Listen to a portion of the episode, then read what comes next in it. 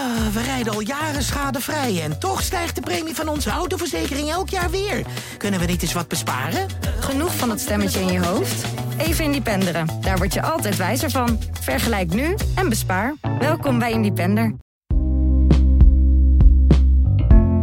Hallo, mijn naam is Shaila Singh en dit is de Volkskrant Elke Dag. Dat is de dagelijkse podcast van de Volkskrant waarin we spreken met experts van de redactie over de veranderende wereld. En bij mij zit nu Stan van Pelt. Dag Stan. Dag Shaila. Jij bent verbonden aan onze wetenschapsredactie als freelancer. Uh, schrijft veel over van alles en nog wat, maar onder meer ook over de fossiele industrie en de banden met de wetenschap. Mm Daar is in de krant van zaterdag een artikel over verschenen van jou. Met als ja, eigenlijk grote centrale vraag: kun je nog wel samenwerken met de fossiele industrie als wetenschapsinstituut nu in tijden van klimaatverandering, waarbij gewezen wordt naar diezelfde fossiele industrie als belangrijke veroorzaker daarvan? Nou, universiteiten worstelen daarmee, hè? Dat, uh, dat is ja, wel gebleken uit jouw onderzoek. Ja, ja. ja. Wat doen universiteiten nu precies samen met, met gas- en oliebedrijven? En hoe ver zijn ze met elkaar verweven? Ja, van alles en nog wat doen ze eigenlijk. Ligt aan de universiteit waar je naar kijkt. Uh, als je, nou, die echte grote samenwerking, die zitten vooral wel op de technische universiteiten. Mhm. Dus dat is de TU Delft, Eindhoven en Twente. En op de beta-faculteiten van de algemene universiteiten. Dus eigenlijk alle andere universiteiten in Nederland. En dan zitten ze vooral op het gebied van nou, scheikunde, natuurkunde, uh, dat soort onderzoek. Daar werken ze veel op samen. En daar heb ik ook wel vooral naar, uh, naar gekeken. Maar er zitten ook, ja, je, hebt ook, je komt ook onverwachte samenwerkingen tegen. Bijvoorbeeld, Shell sponsort bijvoorbeeld ook in Groningen een business school. New Energy Business School heet dat. Dus dat is, heeft helemaal niks met, uh, met onderzoek te maken, maar ja, geeft een soort uh, management degree. En dat wordt ook door Shell gesponsord. Dat wordt deels ook door Shell, ja, Shell gesponsord. Nee, ja. je noemt Shell. Is dat het enige fossiele bedrijf? Of is dat het grote fossiele bedrijf dat zich met name met Nou, dat is wel de, het bedrijf wat je het, het vaakst tegenkomt. Zo wordt het vaakst genoemd. Uh, Shell komt natuurlijk oorspronkelijk uit Nederland, dus ook niet zo gek. Maar daarnaast wordt ook samengewerkt met BP, met ExxonMobil, uh, met een uh, heel groot Saoedisch oliebedrijf. Eigenlijk het grootste oliebedrijf. Sabic. Ja, Sabic. Ja. En GasUnie. En wat zijn dat voor samenwerkingen? Want ik kan me heel goed voorstellen dat je als, als aankomend ingenieur het heel prettig vindt om te weten wat zijn de kwesties waar ze mee, bij Shell, bij Sabic, bij de gasunie mee zitten. Dus, ja. En waar moet ik mij op specialiseren? Ja, dat klopt. En daarom is het ook eigenlijk helemaal niet zo raar dat vooral de technische universiteiten samenwerken. Want ja, die leiden gewoon uh, van oudsher gewoon juist op voor die industrie. Die industrie hebben ingenieurs nodig. En uh, ja, die technische universiteiten leiden die op. Dus dan moet je natuurlijk, uh, dan is het logisch dat die banden ook vrij nauw zijn. Van oorsprong uh, zag je bijvoorbeeld samenwerken, ging dan gewoon over olieindustrie. Hoe kun je nou betere of nieuwe oliebronnen vinden? Uh, studies als mijnbouw in, in Delft. maar je ziet de laatste tijd, de laatste jaren, dat er eigenlijk een omslag gaande is. Dat ze die samenwerkingen, of in ieder geval als het aan de universiteiten ligt, gaan die samenwerkingen steeds meer in de richting van duurzaamheid en de energietransitie. Sterker nog, eigenlijk zeggen alle universiteiten dat is het enige wat we nog doen. We hebben hooguit nog een paar ouderwetse samenwerkingen lopen, maar die lopen af. En we willen ons in de toekomst eigenlijk alleen nog maar richten op uh, energietransitie als het gaat om die samenwerking met de industrie. En, en even de aard van die samenwerking, gaat het dan om geld? Dat bijvoorbeeld een, een, een oliebedrijf een, uh, een, een leerstoel sponsort? Of gaat het om stagemogelijkheden? Wat, wat houdt die samenwerking concreet in, in praktische zin? Allemaal eigenlijk. Inderdaad, voor stages. Een bedrijf als Shell is een hele logische plek voor, voor stages voor studenten. Leerstoelen worden gesponsord inderdaad. Uh, dan wordt een, een iemand die bij Shell werkt, en als onderzoeker, die wordt dan één dag in de week aangesteld op de universiteit als hoogleraar. Een deeltijd hoogleraar heet dat, of bijzonder hoogleraar. En die, die plek wordt dan op de universiteit, die wordt betaald door het uh, fossiele bedrijf. Is op zich ook helemaal niet raar, want uh, zo kun je eigenlijk die, die, die banden, of eigenlijk die, de, de wetenschap nog makkelijker in de praktijk brengen. En dat is natuurlijk ook wat de overheid wil, dat die, al, die, al die wetenschap toegepast wordt. En wat je eigenlijk vooral ziet aan samenwerking is dat die Shell samen met de universiteit in een soort grote consortia zitten. Die bedenken dan samen, hey, we gaan een nieuwe manier vinden om, ik noem maar wat, energiezuinige batterijen te ontwikkelen. En dan stoppen ze allebei geld in en dan gaan ze gezamenlijk met dat uh, probleem aan de slag. Dus het is dan niet zo dat Shell uh, zeg maar een miljoen overmaakt naar de universiteiten. Dat die dat dan vervolgens in opdracht gaan doen. Dat soort projecten zijn er overigens ook, maar die zijn er wat minder. En is dat problematisch? Het is, je zegt al een paar keer, zeg je ja, logisch, je noemt het woord logisch. Het komt mij ook heel logisch voor Ja. dat je op die manier de samenwerking zoekt. Dus waar zit het probleem Ja. precies? Ja, dat is maar aan wie je het vraagt. Eh, die onderzoekers eh, die zeggen, ja, dit is gewoon noodzakelijk. Maar eh, nou, als je het vraagt aan activisten, eh, kijk naar eh, studenten die, al, eh, die nu verschillende eh, plekken bezet houden op eh, de Universiteit van Amsterdam, Rotterdam, Eindhoven. In Twente waren ook eh, protesten. Er zitten trouwens ook gewoon wetenschappers bij van die universiteiten die daartegen protesteren. Ja, die zeggen, ja, hallo. eh, aan de ene kant heb je hier allemaal wetenschappers rondlopen die allemaal onderzoek doen naar klimaatonderzoek en die laten zien hoe, hoe erg de wereld naar de kloten gaat, kort door de bocht gezegd. Als gevolg van CO2-uitstoot door al die oliewinning. En aan de andere kant blijf je lekker met diezelfde bedrijven samenwerken. Ja. Wat die onderzoekers zeggen, die samenwerken met die bedrijven als Shell, die zeggen ja, eh, wij eh, richten ons juist samen met die eh, bedrijven op de energietransitie, op duurzaamheid. Ja, vergroening, duurzaamheid. Vergroening. En daar hebben we die, die industrie har- hartstikke hard bij nodig, want dat kunnen we niet alleen. En is het een valide argument? Is dat, heb, je, heb je Shell nodig om samen te kunnen werken op vergroening en duurzaamheid als wetenschapsinstituut? Nou, vanuit het perspectief van die wetenschappers wel. Ik sprak bijvoorbeeld een, een directeur van, ja, dat heet dan ARC CBBC. Dat is een groot consortium. Daar zitten alle technische universiteiten eigenlijk in. En eh, Utrecht, Groningen, ook eh Radboud Universiteit in Leiden. En de directeur, daar wordt vooral chemisch onderzoek gedaan. Nou, van, hey, kunnen we nou alternatieven voor olie vinden? Want zij zeggen, ja, de hele, eh, onze hele industrie, industrie en economie is eigenlijk gewoon gebaseerd op olie. Je kunt dat allemaal wel morgen allemaal stoppen, maar dan hebben we overmorgen geen, geen kunststoffen meer, geen chemicaliën. Dan loopt de hele samenleving stil. Dus eh, die banden eh, zomaar afkappen, ja, dat is eigenlijk niet zo heel handig. Zij kunnen wel nieuwe alternatieven ontwikkelen, maar ja, dat gebeurt allemaal op een hele kleine schaal. Dat gebeurt in een lab, het gaat om grammetjes. En eh, uiteindelijk wil je dat natuurlijk dat het op industriële schaal eh, gaat. Want in, in, in Rotterdam en in de Botlek heb je gewoon gigantische silo's vol met olie. Ja, dat is- zijn natuurlijk andere orden van groottes. Ja. En dat moet je allemaal kunnen opschalen. Ja, daar hebben die universiteiten helemaal geen eh, verstand van. Zeg ja, daar heb je echt die, die fossiele industrie voor nodig. En er zit ook een hoop kennis. Ik sprak ook met aardwetenschappers. Die doen dan onderzoek naar wat gebeurt er allemaal in de bodem. Hoe ziet de bodem onder ons eigenlijk uit? Hartstikke nuttig ook bijvoorbeeld als je CO2 wil opslaan of waterstof. eh, als een soort van energiebuffer. Als je energie over hebt, stroom over hebt bijvoorbeeld uit windmolens. eh, dan, eh, dan kun je uit water waterstof maken. Dat stop je onder de grond. En als je als er energie tekort is, haal je dat er weer uit. Maak je er weer stroom van.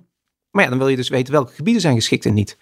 Ja, en daar heeft Shell ook heel veel verstand van. Die, heeft, die doet metingen aan die bodem. Ja, oorspronkelijk dan wel vooral, en nog steeds, naar eh, waar zitten dan olie- en gasvelden. Maar in feite zijn die technieken niet heel veel anders. ja.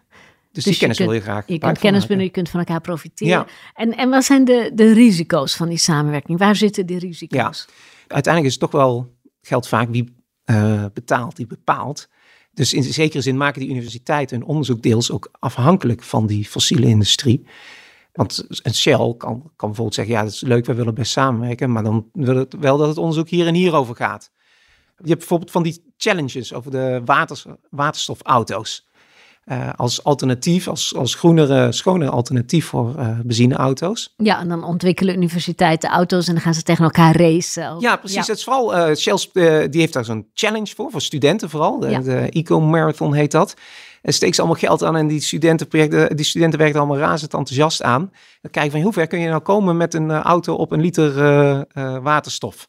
Nou, dat klinkt hartstikke groen, hè? want waterstof is verbrand. Het enige wat eruit komt is, is gewoon water. Kun je bij wijze van spreken drinken als je dat onder de uitlaat eh, opvangt. Ja. Hartstikke schoon zou je zeggen. Maar ja, eigenlijk zijn, als je kijkt naar, naar hoe dan waterstof gemaakt wordt, ehm, zijn eigenlijk gewoon elektrische auto's, die, die je nu al steeds meer eh, natuurlijk ziet. Die zijn eigenlijk veel groener, die zijn eigenlijk veel duurzamer. Maar je hebt toch ook groene waterstof? Ja, klopt. Je hebt ook groene waterstof. Dat is dan waterstof die je maakt uit water met elektriciteit, want dat gebeurt. Dat, dat is hoe je waterstof over het algemeen maakt. En daar gebruik je dan groene stroom voor. Dat is eh, dan groene waterstof. Alleen, je hebt daar ontzettend veel eh, stroom voor nodig. Dus je moet dan eigenlijk gewoon een overcapaciteit hebben aan elektriciteit. Ja, wil je dat echt groen kunnen maken? Een andere risico is, is het, eh, dat heet dan greenwashing. Ehm, Mhm. Dat is in feite het verwijt wat eh, die eh, universiteiten dan krijgen van activisten. Dat ze zich gewoon voor het karretje laten spannen van die eh, belangen van die bedrijven. Dat het die bedrijven eigenlijk helemaal niet te doen is om echt te vergroenen. Uh, nou ja, dat, uh, en, en, dan wijzen ze op hoeveel geld uh, een bedrijf als Shell nou steekt in, in verduurzaming. En dat is, nou, dat had Follow the Money onlangs uitgerekend op basis van jaarverslagen. Dat was dan ongeveer 3%. Dus dat betekent 97% van het geld gaat gewoon nog ouderwets olie oppompen. En 3% steken ze dan in de duurzame energie, zogenaamd, omdat ze bezig zijn met de energietransitie of dat ze dat belangrijk vinden. En een deel daarvan gaat dan naar universiteiten. Ondertussen, maar dat zeggen dan die, die uh, critici, die zeggen ja, kijk, eh, kijk maar eens naar uh, waar Shell allemaal reclame voor maakt. Dat gaat allemaal over duurzaamheid en, en uh, windmolenparken en, en zonneparken, et cetera. En ze gebruiken die universiteiten graag om, om daar een beetje goede sier mee te maken, om, om een positieve associatie te hebben. Het is eigenlijk een soort PR-actie om, om je te associëren met de universiteit. Want de universiteiten hebben een goede naam, hebben, wordt goed gewaardeerd. Ja, als je daarmee kunt associëren, dan heb je ook een, uh, staat dat een beetje op je af. Terwijl ze het uh, eigenlijk uh, helemaal niet daarom te doen is. Ze willen gewoon zo lang mogelijk doorgaan met olie oppompen. Dus de universiteit laat zich misbruiken in ja. feite. Ja. Maar gebeurt het dus ook in de praktijk dat bedrijven invloed hebben op de agenda van wetenschappelijke instituten, van universiteiten of van beta-faculteiten? Nou, dat is natuurlijk de hamvraag. Uh, daar ben ik zelf niet heel erg ingedoken voor dit uh, onderzoek. In het verleden is het wel al uh, een paar keer gebeurd. Een paar jaar geleden had je de Rotterdam School of Management. managementwetenschappers waren dat. Die, die waren gevraagd om advies uit te brengen aan de regering. Van wat moeten we met die dividendbelasting? Moeten we dat nou afschaffen? En uh, zij hebben eh, onderzoek gedaan en een conclusie was, ja nee, dat is eigenlijk uh, niet goed voor het investeringsklimaat. Er gaan grote bedrijven misschien weg. En dat was een belangrijk argument voor de regering om in eerste instantie te zeggen, nee, die belasting, het dividendbelasting willen we niet afschaffen. Nou, en bleek later dat dat rapport voor een deel was gefinancierd door Shell die natuurlijk grote uh, belang bij had om uh, die dividendbelasting uh, te laten afschaffen. Ja, dus dan zou je, je kan het niet aantonen, maar wellicht zal dat de richting van de conclusies beïnvloed kunnen ja, hebben. Nou ja, ja er zijn ook. Je kan even de onafhankelijkheid niet uitsluiten. Ja, nee, precies. En er zijn ook wetenschappelijke publicaties die laten zien dat, dat publicaties waarbij onderzoek naar fossiele uh, brandstoffen of fossiele energie, als dat gesponsord is door, een, door de industrie, dan zijn de wetenschappers, of in ieder geval die publicaties, zijn over het algemeen positiever van toon dan als dat niet het geval is. Dat zegt denk ik ook wel wat. Ja, en in welke mate gebeurt het eigenlijk dat de fossiele industrie betaalt aan Nederlandse universiteiten? Weet u iets over de omvang van die geldstromen of is het heel lastig in kaart te krijgen? Dat is heel lastig in kaart te brengen. Sterker nog, die universiteiten die uh, weten het niet eens zelf. Of ze zeggen uh, dat zelf, uh, althans dat ze het niet uh, precies weten. Ik heb ze allemaal gevraagd, om hoeveel geld gaat het nou? Nou, en dan zeggen ze, weten we eigenlijk niet precies. Of willen we niet zeggen, want we zijn aan contracten gebonden. Dus we kunnen niet precies zeggen om hoeveel geld het gaat. Voor een deel is het ook zo, omdat ik denk ik dat die universiteit dat zelf echt niet weet ook. Omdat ja, vaak gebeuren die samenwerking ook ja, op één op één niveau. gewoon tussen, on, tussen de onderzoeker en zo'n bedrijf. En daar hebben ze dan op uh, bestuursniveau daar eigenlijk weinig zicht op. Eigenlijk is zo'n universiteit, zeg wel eens, is eigenlijk gewoon een soort samenraapsel van een hoop ZZP'ers die allemaal hun eigen toko hebben. Ja. En die universiteit probeert dat allemaal een beetje, maar een beetje te, bij elkaar te houden.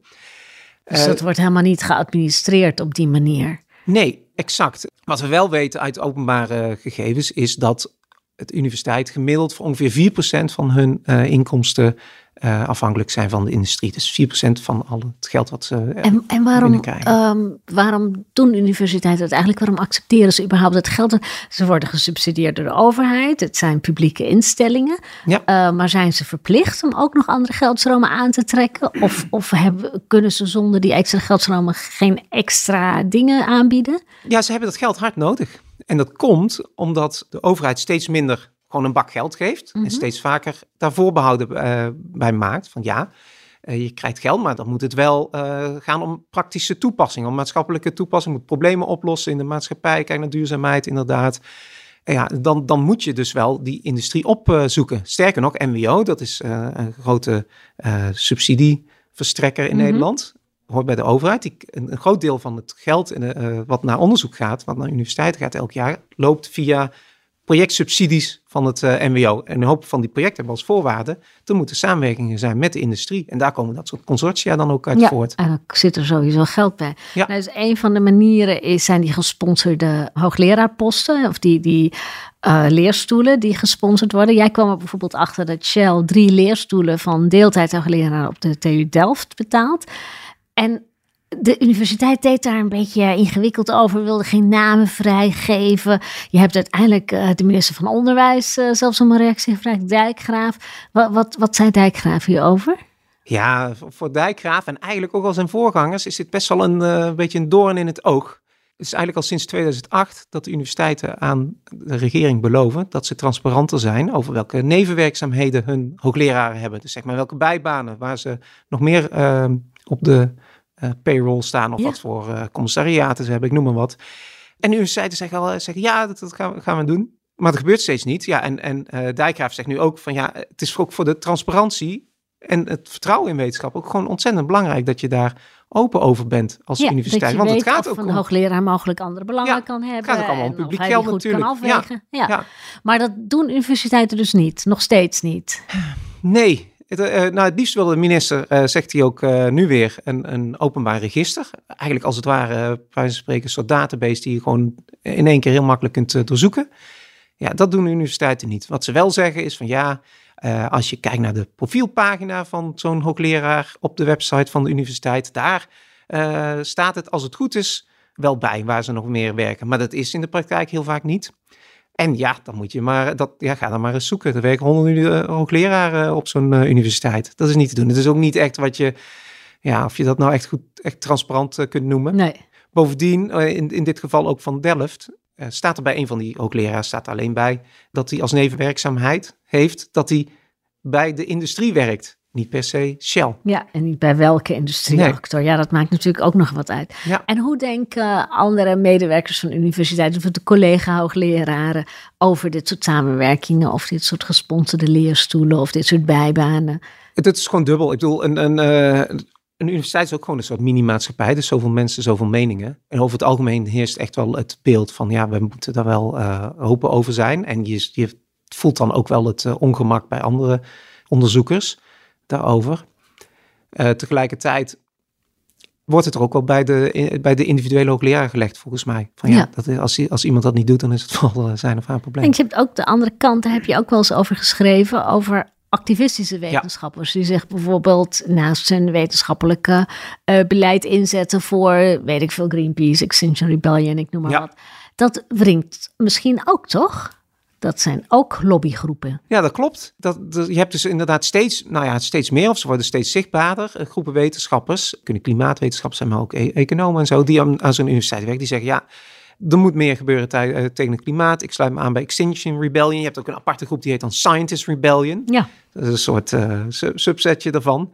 Die zeggen, ja, wij zijn, die dragen ook altijd uh, lapjassen en zo als ze actie voeren. Of als ze hier op de, of in Den Haag op de A12 uh, zich vastlijmen. Die zeggen, ja, wij, zijn, wij hebben de kennis. En normaal houden we een beetje ons afzijdig van uh, uh, politieke discussies. Maar ja, de, de nood is nu zo hoog met de pro, uh, klimaatproblematiek... dat we ons wel gedwongen voelen om, om ons meer uit te spreken. Want anders, anders gebeurt er niks. Ja, en dat, ja, je kunt dat inderdaad ook gewoon een, een lobbygroep mm -hmm. noemen. En je ziet gewoon dat de universiteiten daar gewoon erg, heel erg mee worstelen. Want ze hebben allebei die groepen in, ja. in hun gelederen. En ze willen geen van twee verbieden. Nee, want de academische vrijheid vinden ze heel belangrijk. De universiteit, van ja, het is toch wetenschappers zijn, het moet, je moet je gewoon alle ruimte geven om hun uh, onderzoek te kunnen doen, naar eigen inzicht. En, ja, en die, die, die vertaalslag naar de maatschappij, op wat voor manier je dat dan ook doet, ja, dat is ook een belangrijke taak van de universiteiten. Dus dat mogen die wetenschappers ook uh, doen. Ja. Zolang ze, dat zeggen die universiteiten altijd bij, maar geen dingen uh, zeggen die buiten hun eigen expertisegebied liggen. Dus uh, dat er uh, zeg een, een, taalwetenschapper zich vastlijmt uh, aan de A12 en dan allemaal feiten op gaat noemen over um, wat er in de IPCC-rapporten staat over klimaatproblematiek. Ja, daar hebben ze meer, voelen ze meer ongemak bij. Moet wel allemaal kloppen. We ja. zijn hier wel wetenschap aan het bedrijven, ja. mensen. Ja. Nou, studenten, je noemde het al even kort. Hè? Er zijn op al die universiteiten, met name op technische universiteiten, hebben studenten geprotesteerd in allerlei vormen. Ja. Um, op de UvA uh, hebben studenten en medewerkers gedemonstreerd. En toen heeft uh, tegen projecten met Shell en, en, en, en dergelijke. En de UvA, de Universiteit van Amsterdam, heeft toen ook gezegd van ja, we gaan dat minder doen. Of, of afbouwen. Ik weet niet precies in welke bewoordingen ze zich toen hebben uitgesproken. Zie je dat meer universiteiten luisteren naar protest van studenten hierover? Of zorgen die studenten hierover? Ja, ja de UvA gaat daar wel het verst in. En ze zeggen nu van, nou, we gaan voorlopig geen nieuwe projecten aangaan samen met, met Shell specifiek. Specifiek Shell, hè? Eh, Op dit, Ja. moment- In eerste instantie althans.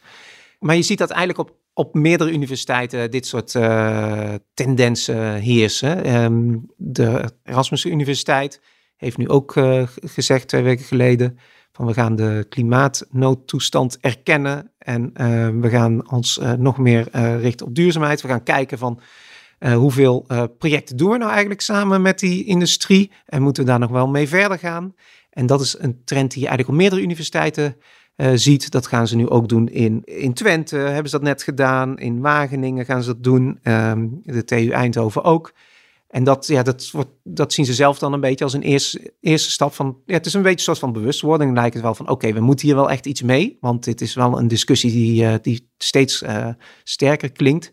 Dus we moeten daar wel een beetje, een, echt een beetje beleid op maken. En dat was er eigenlijk eerst nooit. Van, nou ja, als het allemaal volgens de regeltjes gaat dan is het allemaal prima wat voor samenwerking het ook is. Maar nu denken ze, ja, eh, we moeten wel over, over duurzaamheid en, en die fossiele industrie moeten wel even regeltjes gaan opstellen.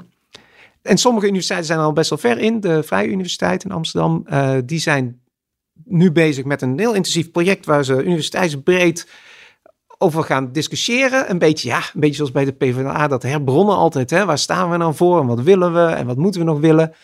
En dan moet het idee daarvan is dat iedereen zijn zegje mag doen. En dat dat gaat in, in, in fijne kleine groepjes. Dat iedereen elkaar, eh, dat iedereen zich veilig voelt om ook ja, misschien wat eh, ongemakkelijke uitspraken te doen. En dat het uiteindelijk leidt tot een soort beleid van nou, dit mag wel en dit mag niet. Of alleen onder die voorwaarden.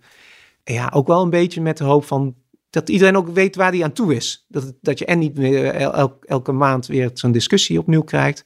En dat, dat onderzoekers zelf ook weten van als zo'n eh, bedrijf aanklopt van hey, wat mag ik tussen aanhalingstekens wel en, en wat niet. Dus er veranderen toch wel echt Ja. fundamenteel dingen in de manier van samenwerken Ja. tussen universiteiten en delen van het Ja, bedrijfsleven. overigens zijn niet lang niet alle universiteiten daar zo ver in hoor. Soms gebeurt het ook alleen op faculteiten. De Technische Universiteit Delft doet dat bijvoorbeeld.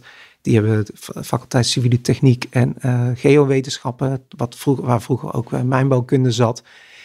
Daar hebben ze ook zo'n interne discussie gehad. Die zeggen nu, wij doen ook, gaan ook alleen maar in de toekomst samenwerken op het gebied van duurzame energie.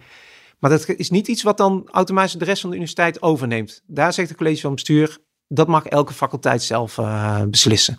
En branden ze de vingers niet aan. Dankjewel, Stan van Pelt. Hartelijk dank. Graag gedaan, dankjewel. En u luisteraar, ook weer heel veel dank voor het luisteren. Dit was de Volkskrant Elke Dag. En wilt u nou meer van ons lezen, weten, meer van onze journalistieke producties tot u nemen? Misschien bent u al abonnee, waarschijnlijk bent u dat al. Dan leest u al elke dag de Volkskrant, maar doet u dat nou niet? Dan kunt u naar www.volkskrant.nl slash podcastactie. En daar kunt u heel voordelig een abonnement afsluiten op de Volkskrant en op al onze journalistieke producties. U zult er geen spijt van hebben. Morgen weer een nieuwe elke dag. Tot dan.